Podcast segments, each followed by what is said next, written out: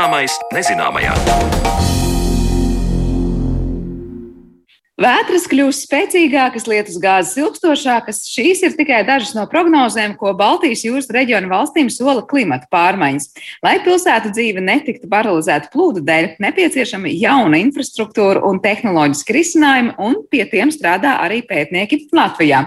Par to šodien mēs vairāk runāsim ar mūsu sarunas biedru studijā Rīgas Tehniskās Universitātes ūdens sistēmu un biotehnoloģiju institūta direktoru Jāni Rubuli. Labdien!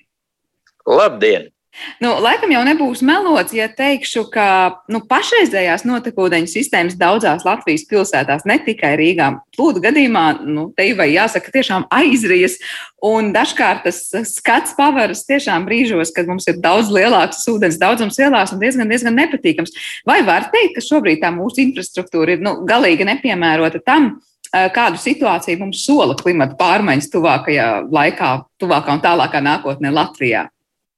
Nu, tas ir ļoti labs jautājums, uz kuru tā viennozīmīgi atbildēt nevarēšu, bet nu, tur ir jāskatās ar tiem nokrišņiem. Tas jau ir kā ar tām bitēm, kā Jāņos. Ja?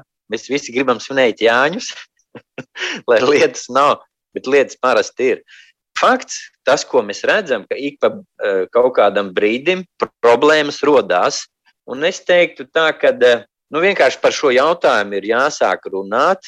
Mums, speciālistiem, eh, tie, kas apsaimnieko un tie, kas pie tā, pieņemsim, arī tur strādā pētnieciski un, un saimnieciski, vienkārši cilvēkiem ir jāskaidro, jo, jo mēs eh, pārējie vienkārši nesaprotam īsti lietas būtību. Un, un tad mēs dusmojamies, jā, ka mums tur ir eh, slapjas kājas vai tur kaut kāda numurzīme kaut kur pazudusi. Bet nu, tur ir jā, daži jautājumi, par kuriem mēs neaizdomājamies ikdienā. Varbūt tās, kāpēc tā sistēma nestrādā šādi tad. Tas ir tāpēc, ka tā ir jau sākotnēji tātad pārāk, varbūt tur, nezinu, paredzēta mazākām plūsmām vai pārāk maza un nepiemērot, vai tā ir vienkārši nokalpojusi. Kas ir tas iemesls, kāpēc nestrādā?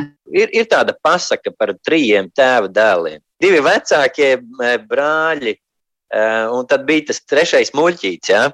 ūdens apgādes tīklus sāka būvēt centralizētos tur 1000 kaut kādā tur 800. gadā pilsētās. Un, un, un, un par kanalizāciju savukārt centralizētu savākšanu sāka domāt vēl tur kaut kādus pusgadsimtu vēlāk. Bet par lietus ūdeni sāka domāt vēl vēlāk pagājušā gadsimta kaut kur 30. gados, kad pilsētās nu, vispār par to sāka aizdomāties. Cilvēki vienkārši vairāk pilsētās sāka dzīvot, un, un tās slapjās kājas tur bija. Trešais tēvdēls ir tie nokrišņu ūdens apgādes tā infrastruktūra saucamā. Jo uh, viss pazemē tur ir ar tīkli dažādi elektrības kabeļi, interneti un, un viss neredzams. Un, un mūsu tiem ūdens specializācijas cilvēkiem, jā, nu ir tie trīs, teiksim, tie tīkli dzeramā ūdens, kanalizācija un nokrišņu tīkli. Un problēma ir tāda, ka sākotnēji pilsētas tēvi, par nokrišņiem daudz nedomāja, un viņi e, lietus ūdeni laida kanalizācijas sistēmā. Un tā arī notiek tagad daudzās vietās, vecajās pilsētās. E, vienkārši tas lietus tiek savākts ar e, nu, sadzīves kanalizācijas tīklā. Un, un, un nu, jā, nu, uzbūvēja to tīklu sadzīves kanalizācijā, un par to lietu nu, tā baigi nedomā. Tagad, teiksim, pēdējos, kā lai saka, desmit gadēs vairāk par to aizdomājos, un arī jaunajās pilsētās, pieņemsim, tad sāk nodalīt to. Uh, ir jau atsevišķi nokrišņu ūdens tīkli, ir speciāli izbūvēti atsevišķi tīkli, nevis tā saucamās kopsis, kopsistēmas, kad, viņi, kad tas lietus aiziet turpat, kur fekālā kanalizācija. Un, un, un, un tad, attiecīgi, ja tā sistēma ir atsevišķi izprojektēta, nu, tad jau viņa arī labāk faktiski strādā. Kaut gan, protams, ir arī vecie kaut kādi tīkli, kas tur ir metrīgi un liela diametra izbūvēti un darbojās. Bet, nu jā, tas ir tas trešais tēvdēls, kas ir pamests novārtā. Un, un faktiski tā problēma ir tāda, ka mēs, nu, neviens arī ļoti to rūp par viņu, ne, par tiem tīkliem neuztur. Nu, kā lai saka, ūdens apgādes uzņēmumiem tas ir sāpju bērns. Problēma ir tā, ka redz, vēl mazliet atkāpēji. Mēs par dzeramo ūdeni sākām maksāt tad, kad eh, mūsu industrija nobruka ja, pēc Padomju Savienības. Tad mēs faktiski sākām maksāt, un tad ūdens skaitītājs likām un brīnījāmies. U, kāpēc man jāmaksā tik daudz par dzeramu ūdeni? Faktiski par lietus ūdeni mēs nemaksājam, bet iedomājieties, kas ir. Mēs te sūdzamies par to, ka es Uh, ir uz, uzklāts uh, asfalts, mums vajag maksimāli daudz visur asfaltu. Attiecīgi ir samazinājusies vieta, kur uh, lietas ūdens var uzsūkties zālājā. Ja? Un viņam kaut kur no tā asfalta ir jānonāk. Viņš no asfalta nonāk kanalizācijas tīklos, un tie tīkli, ja nespēj paņemt, nu tad viss ir, kā teikt, uz tā asfalta, viss pludo.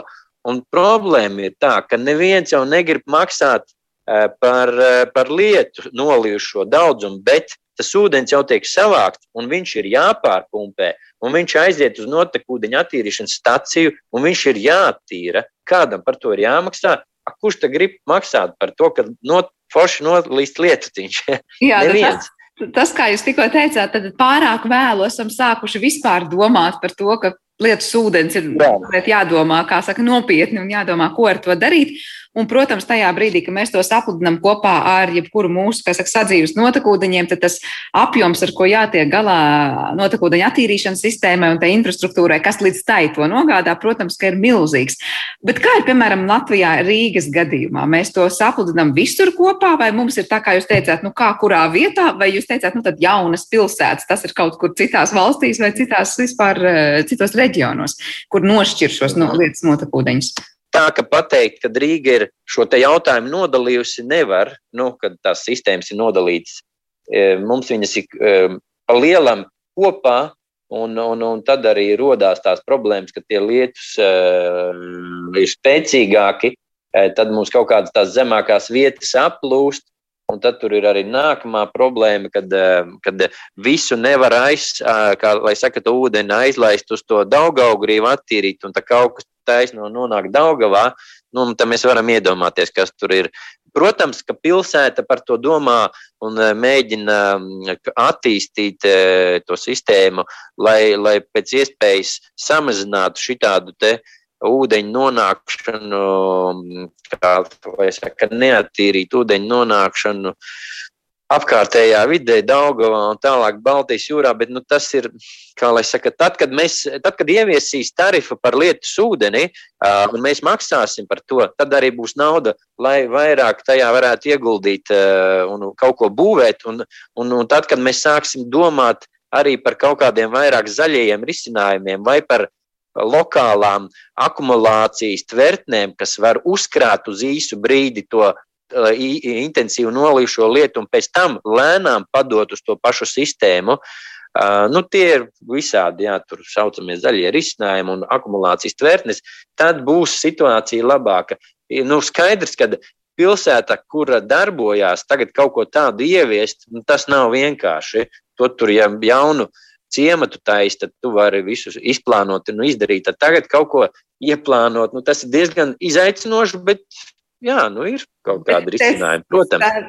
Protams, saprotu ar to, ka viena lieta ir būvēt jaunu ciematu vai jaunu pilsētu un visu laiku paredzēt, bet tad, kad jau tās pilsētas ir gatavas un tur tās problēmas rodas, tur jādomā, ko darīt. Bet es saprotu, ka Latvijas pētnieki piedalās dažādās iniciatīvās, kur arī piedāvā risinājumus, ko tad darīt. Es saprotu, tas ir stāsts vairāk par tām vietām, kur tā sistēma nu, nav jābūvē no jauna. Ja kas ir tas, ko jūs piedāvājat? Nekādas kosmiskās tehnoloģijas šajā gadījumā nav. Triviāli, teiksim, tā sākot ar vienkārši sistēmas apzināšanu, bet nu, tas arī ir ļoti būtiski, jo tas, kas notiek tur pazemē ar tiem tīkliem, bieži vien ir tā, ka tiem uzraugošiem cilvēkiem viņiem nav saprašana, kur kas ir saslēgts, savienots, vai tur, vai tur tā sadzīves kanalizācija pienāk vai nē. Un, un tas vienkāršākais, ko mēs eh, ieviešam praksē, un arī mēs gribam, lai to pārņem, pieņemsim, tie projektētāji un uzraugošās iestādes, ir tas, ka eh, vai nu būvējot jaunu, vai arī esošo, tu inventarizē un uzmēri visu sistēmu, un tev ir skaidrs par visiem līmeņiem, slīpumiem, kur ir izlaides, kur, kas darbojas vai nedarbojas. Tāpēc mēs projektā esam iesaistījuši ne tikai mūsu institūta darbiniekus, bet arī ģeomātikas, RTU ģeomātikas cilvēkus un IT cilvēkus, kas, ar kuru palīdzību attiecīgi mēs ar dažādiem instrumentiem spējam vienkārši nu, vienkārši uztaisīt sistēmai inventarizāciju un viņu samērīt tā, kā nākās. Un forši iziet uz ielas, tur planšetē, paskatīties un redzēt to tīklu, kas tur ir. Nevis pa kaut kādiem papīriem rakties arhīvā. Un, un, un, un ir viens cilvēks, kas tur zina, kā ir, bet eh, ka tas viss ir pieejams eh, nu, viedtāluņos un planšetēs, tā infrastruktūra redzama. Tas ir tāds elementāra lieta. Nākamais ir lai tu kaut ko vispār varētu saprast, kā sistēma darbojās, nu, nepietiek ar to, ka tu esi tur redzējis, o, oh, vienreiz gadā man tur nolīja un kaut kas aplūda. Nu, vienkārši ir jāsāk monitorēt, mērīt, un, un to arī mēs darām. Kad, pieņemsim, jūrmalā, liepājā, ir, eh, mēs esam eh, tātad ar šīm pašvaldībām kopā. Viņas ir eh, projektā, un arī Ogres pašvaldība ir projektā, bet tur mazliet savādāks risinājums, par to pastāstīšu vēlāk. Bet Jūrmalā un Liepājā mēs ar online saucamajām iekārtām mēram caurplūdes līmeņus šajās nokrišņu ūdens sistēmās. Un, un, un tad tu vienkārši saproti, cik tas lietus liels nolīs, un tad tev ir dati, un tu vari sākt analizēt. Un nākamais, tad, kad tev ir dati eh, par daudzumiem, kubikmetriem stundā, sekundē, tad jau tu vari uh, sazīmēt saucamo hidraulisko modeli, kas ir nu, datorā uzzīmēts tīkls, teiksim tā, un, un tu vari sākt to modelēšanu, teiksim tā, spēlēties un sagatavoties tiem ārkārtas gadījumiem, kas 50 gados vai 100 gados ik pa laikam notiek. Un tu vari saprast, kuras ir tās vājās vietas tavā sistēmā, kur ir kaut kas jāievērš. Vai nu zaļie risinājumi, vai nu kaut kas jābūvē lielāki diametri, vai nu jāievieš reālā laika kontrolas sistēma, kur tā kā lietus gāž, kaut kāds vārsts, pieņemsim, atverās un kaut kur kaut kādā tvertnē tas viss aiziet, vai arī tieši pretēji kaut kur to ūdeni nelaižam. Uh, Nu, jā, teiksim, tādi. Kamēr jūs ievācat šos datus un saprotat labi tos apjomus un situāciju reālajā laikā, tad šobrīd es pareizi saprotu, tas risinājums ir tikai to, ka labi, mēs tiksim pie datiem, bet ko reāli ar to ūdeni darīt un kā panākt, lai viņš kaut kur tur neuzkrājas, tur, kur nebūtu jāuzkrājas vai nepārslogo kādu sistēmu, vēl īsti nav. Mēs šobrīd tā kā secinām, kas ir, iegūstam datus un risinājumu sagaidām nākotnē. Ja? Kas ir ar to ogres gadījumu? Nu, ar, ar ogres gadījumu tur ir interesanti. Ogres gadījums ir redze, mm, ogrē šādi, tad, kā mēs zinām, arī aplūst, bet tas, tas nu, protams, tas ir arī no nokrišņiem, no lietas, bet tur ir arī sniegs, ledus, ka kūst, ja tur sastrēgumi pavasaros kaut kas šādi aplūst. Ogrē mēs esam kopā ar pašvaldību. Pašvaldība jau arī faktiski pirms teikt, mūsu sadarbības jau ir aktīvi darbojusies. Arī vienkārši, jā, sākotnēji viņiem bija tāda mērlata ogres heisā, lai cilvēki vienkārši var redzēt, kāds ir ogres līmenis upes. Tagad pašvaldība salika arī mērinstrumentus upē, un faktiski tādi jau bija LVģMC, Eh, augšpusē, ogrē, un tagad pati pilsēta, eh, pilsētas, kā lai saka, aglomerācijas eh, ietvaros salika mēru, online mēru instrumentus, kurus savukārt mēs, zinātnieki, izmantojam, lai varētu paredzēt, kādi tad būs tie plūdi. Mēs esam izveidojuši internetu platformu, kurā ienāk visa informācija tātad no šiem mēru instrumentiem, Eh, no kamerām. Eh, un, eh, un tad mēs varam paredzēt 24 stundas uz priekšu pēc šiem mērījumiem ar kaut kādiem visiem algoritmiem, kas tur ir iekšā, kādi varētu būt nu, pēc 24, kā tas ūdens līmenis upē mainīsies. Un pilsētai tas ir, nu, kā lai saka, vērtīgs rīks, Lai, jo kas līdz šim ir noticis, tad, kad tie pavasara plūdi, tur ir visi pašvaldības policisti, tam ir mobilizēti, un viņi braukā apkārt un skatās, kas notiek. Tagad tas nav jādara, atver planšeti, un skaties, kurā vietā tev tur kurā brīdī sāks kaut kas iet pāri. Tā platforma uh, dod uh, signālu pie noteikta ūdens līmeņa upē, kad cilvēkiem vienkārši, kas ir tuvāk dzīvo, nu tā, kas dzīvo tajās aplūstošajās teritorijās, kad ir pēdējais laiks kravāt, uh, kā teikt, vilkt kurpes kājās un laisties lapās, lai, uh, lai, nu, lai viņi pēc tam ar laivām nav jāved no mājām.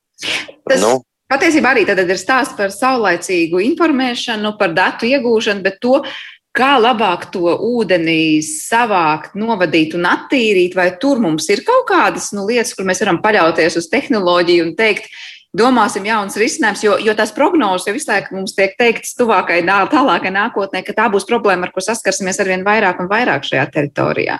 Vai mēs būsim labāk sagatavoti tikt galā, nevis tikai saprast, kad ir jābrauc prom no teritorijas, bet kā to visu novadīt, lai nebūtu plūdi? Risinājumi ir, Jautājums ir, vai mēs esam spējīgi viņus ieviest eh, mūsu tajā pilsētu vidē, eh, vai, vai tas ir ekonomiski.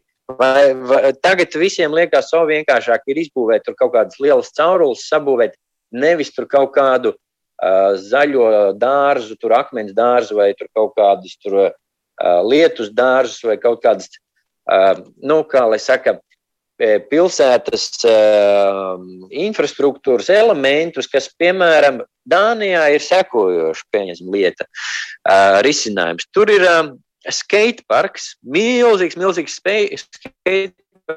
Iedomājieties, viņš ir tā, nu, tām renēm lielajām, ja, kur jaunieši tur dragā, tā kā traki, forši. Uh, Uh, un kas notiek? Tā, ka, uh, viņš ir izdomāts tā, tā kad līst lielas lietas, tad skateparks vienkārši pārvēršas par tādu mākslīgu upi, un viņš foršu visu ūdeni novada tur, kur vajag. Vai ir arī kaut kāda lietus dārza, kas, pieņemsim, sausā laikā tur ir akmeņi, kaut kādi, kaut kādi, kaut kādas augi sastādīti. Tad, kad ir lietus, tad viņš spēja akumulēt tajā brīdī to lietu, un pēc tam, kad nu, pamazām to ūdeni atdot. Nu, ja mēs paskatāmies apkārt, pamazām jau kaut kādus risinājumus ievieš. Tur ir tas skanstes projekts, un tad ir pie spīces, pieņemsim, neviens jau neskatās. Pie spīces tur tagad nekas neaplūst, jo stāvlaukums ir izbūvēts, teiksim, tā atbilstoši jaunajām, kā lai saka, tehnoloģijām. Tas nav, protams, mūsu projekta sasniegums, bet nu, tas ir uz ko arī mēs rādām, kad ir šie zaļie risinājumi vienkārši pilsētu vidē jāievieš, un tur ir jautājums par izmaksām un par to, vai cilvēki ir gatavi maksāt par kaut kādām puķītēm, puķītēm un akmeņiem un, un, un kaut kādiem bruģiem, vai tur, ir, vai tur gribās ielikt kaut kādu, tur, nezinu, lielu cauruli vienkāršāk zemē un, un, un, un tādā veidā risināt. Nu, Jā, es teiktu, ka tā labā praksa vienkārši jāievieš no tur citām Eiropas. Risinājumi ir, tie, tie maksā, bet arī radošiem risinājumiem tur ir vieta. Bet kā sanāk lietas ūdens uh, sakarā? Mēs ļoti bieži sakām, tas ir diezgan bagāts arī ar piesārņojumiem, un, un, un daudz kā tur ir tāda, ko tur nevajadzētu novadīt tā vienkārši apkārtējā vidē. Tad, kad mēs, piemēram, to pārvēršam, nu, tā kā Dānijas piemērs par tādu upi vai, vai es nezinu, kaut kādu ūdens tilpi, kas to uzkrāja, Tas ir kā starposms, lai vienkārši to ūdeni novadītu pēc tam uz attīrīšanu, vai tas ir tāds vidas elements, kas kalpo gandrīz vai kā kaut kāda mākslīga ūdens tilpa uz, uz brīdi, bet tā tad sanāk ir pilna ar dažādiem nu, piesārņojumiem, kuriem tur nebūtu jābūt? Nu, um, tā, vairāki jautājumi mēģināšu atbildēt uz viņiem. Tātad šie te, uh, risinājumi, jā, nu, viņi kalpo, kā, kā lai saka, īslaicīgi, lai uzkrātu to ūdens daudzumu. Un, protams, tajā brīdī, kad uh, lietus sāk gāzt, tas pirmais, kas ir uz zemes, kā lai saka, tiek savākts, noskalots, ir ļoti netīrs ūdens. Un, nu, tad faktiski šie pirmie ūdeņi būtu uh, jānovada un jātīra visvairāk. Tālāk jau nākamie ir tīrie, un tos tu, nu, ja tu esi uh, ielaidis tajā nokrišņu ūdens apgādes sistēmā, un tur ir kaut kādas pārplūdes uz upi, tad viņas varētu laist laukā. Faktiski, jā, jāsvāca pirmie ūdeņi. Tie ir visnetīrākie, jo nu, tur ir viss tas, kas ir uz zemes.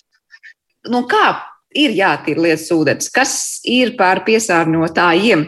Šajā ūdenī varbūt kādam no malas var likties, ka, nu, ja jau lietas nolīst, viss jau ir ļoti dabiski un skaisti, vai tur daudz kas ir jātīra. Ui, tas ir arī foršs stāsts par, par to, uh, ej nu noķer to lietu, ja, lai saprastu, kas ir lietas ūdenī. Tev ir jāpaņem paraugi, un tas ir ļoti liels izaicinājums. Mēs, mēs, mēs to darām, bet dažreiz ir tā, tā, kā jau es teicu, ar bitēm. Tu esi aizbraucis, sagatavojies, meteorologi prognozēja, būs lietus, un viņa nav. Vai arī tad, kad viņš nolīst, tu neesi gatavs un nespēji paņemt tās pa, pa, pa analīzes. Un faktiski tas pieņemsim jaunievedums, ko mēs arī, par ko mēs, ko mēs ieviešam, ir automātiskā paraugu ņemšana. Jo tas uh, atceļ to, ka tev tur pašam ir kaut, kur, kaut kādām burkām jāskrien un jāķer tas lietiņš, uh, bet, uh, bet tev ir paraugu ņēmējs, kur, kurš nostrādā pēc ūdens līmeņa un savāc to paraugu. Kas paraugā ir iekšā?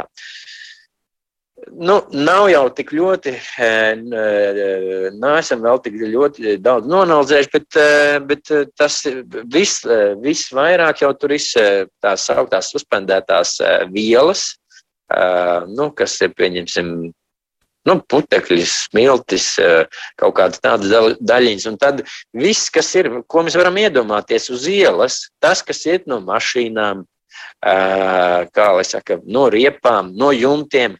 Ja mums ir kaut kādi cinkoti jumti, tad tur ir cinka koncentrācija, pieņemsim, varētu būt paaugstināta. Nu, nu tā, nu, kā lai saka, visi šķidrumi no mašīnām, kas, kas, kas nonāk uz ielas, tas nonāk arī lietas ūdens, nokrišņu ūdens sistēmā. Nu, attiecīgi, protams, ka tas apkārtējai videi nav labi. Kādas tur ir koncentrācijas, tagad neko es daudz ne, negribu teikt un nespekulēšu, bet es teiktu tā, ka vienkārši šim jautājumam vajadzētu vairāk pievērst uzmanību, jo, jo nu, tur,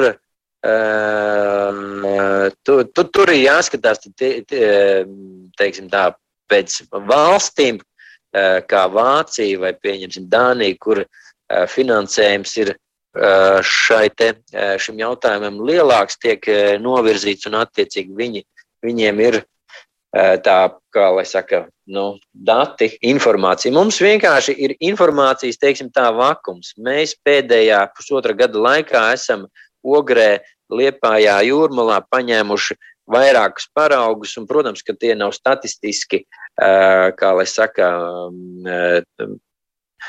pārliecinoši, bet eh, es teiktu tā, eh, projekta beigās mēs noteikti izteiksim arī kaut kādus um, vērtējumus par mūsu, uh, kā lai saka, paveikto attiecībā uz, uz, uz piesārņojumu un tas, kas nāk no, no, uh, no, no nokrišņu apgādes tīklos, kas nonāk, varēsim pateikt.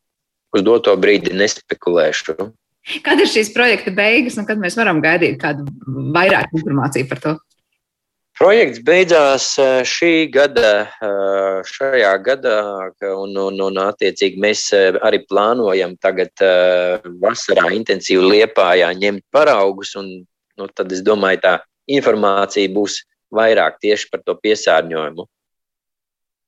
Ja vēl e, viens jautājums par to pašu notekūdeņu sastāvu un piesārņojumu tā attīrīšanu, vai principiāli tad, kad to sajauc, tā ir e, savāc kopā, ir liela atšķirība, kā to attīra, piemēram, sadzīves to notekūdeni, kas nāk no mūsu kanalizācijas un nonāk kopīgā šajā notekūdeņa attīrīšanas sistēmā, vai tas, kā savāc atsevišķu lietas ūdeni, tad arī to atsevišķi attīrot, tas prasa kaut kādas pilnīgi cita veida tehnoloģijas. Uh, viss aiziet kopā. Pa lielam, un, un, un viss ir tā pati, tai pašai attīrīšanas tehnoloģijai, kas ir sadzīves kanalizācijai, tai šai pašai sistēmai jātiek galā ar, ar, ar, ar šiem te ekstrēmajiem brīžiem, kad ir spēcīgie nokrišņi. Vienkārši tā ir lielāka slodze apjoma ziņā, Tas ir viens, ka lielāks apjoms, un otrs ir, kad, kad ir, nu jā, nu tie ūdeņi ir, kā lai saka, sākumā viņi tur ir koncentrēti, un tad viņi vienkārši ir atšķaidīti, un tas uz esošajām notekūdeņa attīrīšanas iekārtām arī nav labi, jo tur ir dažādi mikroorganismi, bioloģija, kas veic šo attīrīšanu. Un, ja tev ienāk liels, liels daudzums ar, kā lai saka, nav vairs tā koncentrācija sadzīves notekūdeņi, bet viņi ir atšķaidīti, tas tajā brīdī tiem mikroorganismiem, kas attīrīšanas iekārtās darbojās, lai samazinātu piesārņojumu, arī nav labi. Tā tad ir, nu, tas ir arī tāds izaicinājums, ko darīt ar to lielo apjomu un mazo teiksim, tā koncentrāciju. In, darbs inženieriem. Jā, izaicinājumi tā tad netrūks tuvākajā nākotnē, tas ir vairāk kā skaidrs, bet noslēdzot šo sarunu, mēs bieži dzirdām par tām prognozēm, kas saka, mainoties klimata izmaiņām, mums jārēķinās ar to, ka būs varbūt jā, situācijas, kad biežāk būs spēcīgas lietas gāzes vai kāda plūdi mūs piemeklēs. Uh, var teikt, ka nu, tā nākotne vairs nav nemaz tik tāla un ar tādu ļoti, ļoti nu, lielu apjomu pieaugumu ir jārēķinās jau šobrīd, un mēs jautājums, cik Cik esam gatavi un kādas izskatās tās tuvākās prognozes? Mēs absolūti neesam tam gatavi. Uh, un, uh, nu, lai saprastu, uh, lai saprastu kādi, kādas ziepes, kādas, kādā ziepēs mēs varam nonākt, nu, tas, tas vienkārši var notikt. Tā kā tas, pieņemsim, notika Kopenhāgenā 2011. gadā, 2. jūlijā, pāris stundu laikā nolīt tāds apjoms, Eh, nu, tā vienkārši salīdzinoši, tur 135 mm diennaktī nolīja. Un, uh, es uh, neesmu klimatologs, bet paskatoties, kas mums ir Latvijā bijis, tādas spēcīgākās lietusgāzes, nu, mums ir kaut kur 40, 50 mm diennaktī.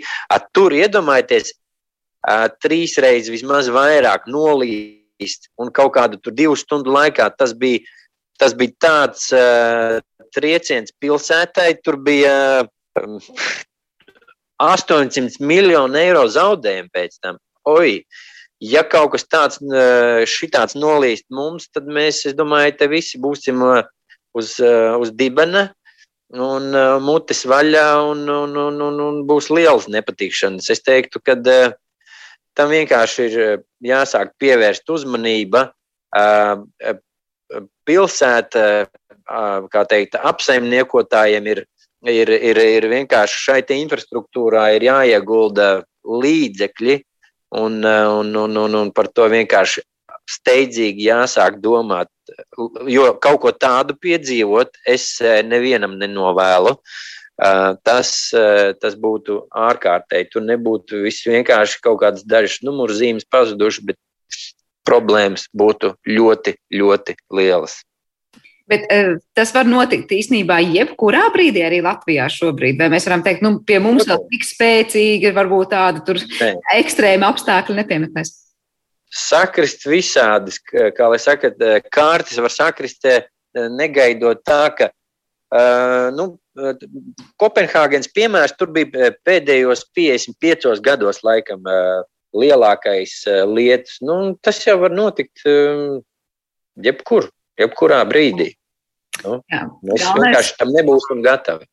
Galvenais būt tam gataviem, un tad arī varbūt tas neliksies tik katastrofāli, kā tas var izvērsties. Un te mēs nonākam pie tā, cik ļoti liela nozīme ir zināšanām un tehnoloģijām. Un, protams, ja mēs ieviešam praksē daudzas labas lietas, ko varam izdarīt, lai tas nenestu ne materiālus zaudējumus, ne arī piesārņojumu radīt papildus, ne arī varbūt prasīt kādreiz cilvēku nu, apdraudēt cilvēku drošību vispār. Tā kā tiešām par lietas ūdeņu spēkšņu parādīšanos tik lielā apjomā mūsu pilsētās, kas nav tām piemērots, ir jādomā jau šodien. Lielas paldies par šo sarunu. Es atgādināšu, ka dzirdējām Rīgas Tehniskās Universitātes Ūdens sistēmu un biotehnoloģiju institūta direktoru Jāni Rubulu mūsu šīs dienas raidījumā. Ar to arī tas ir izskanējis, un par šo raidījumu parūpējās producenta Paula Gulbinska. Mūzikas redaktors šajā stundē bija Girds Bišs, bet ar jums kopā šajā stundā bijusi Sandra Kropa. Uz tikšanos un vislabāk!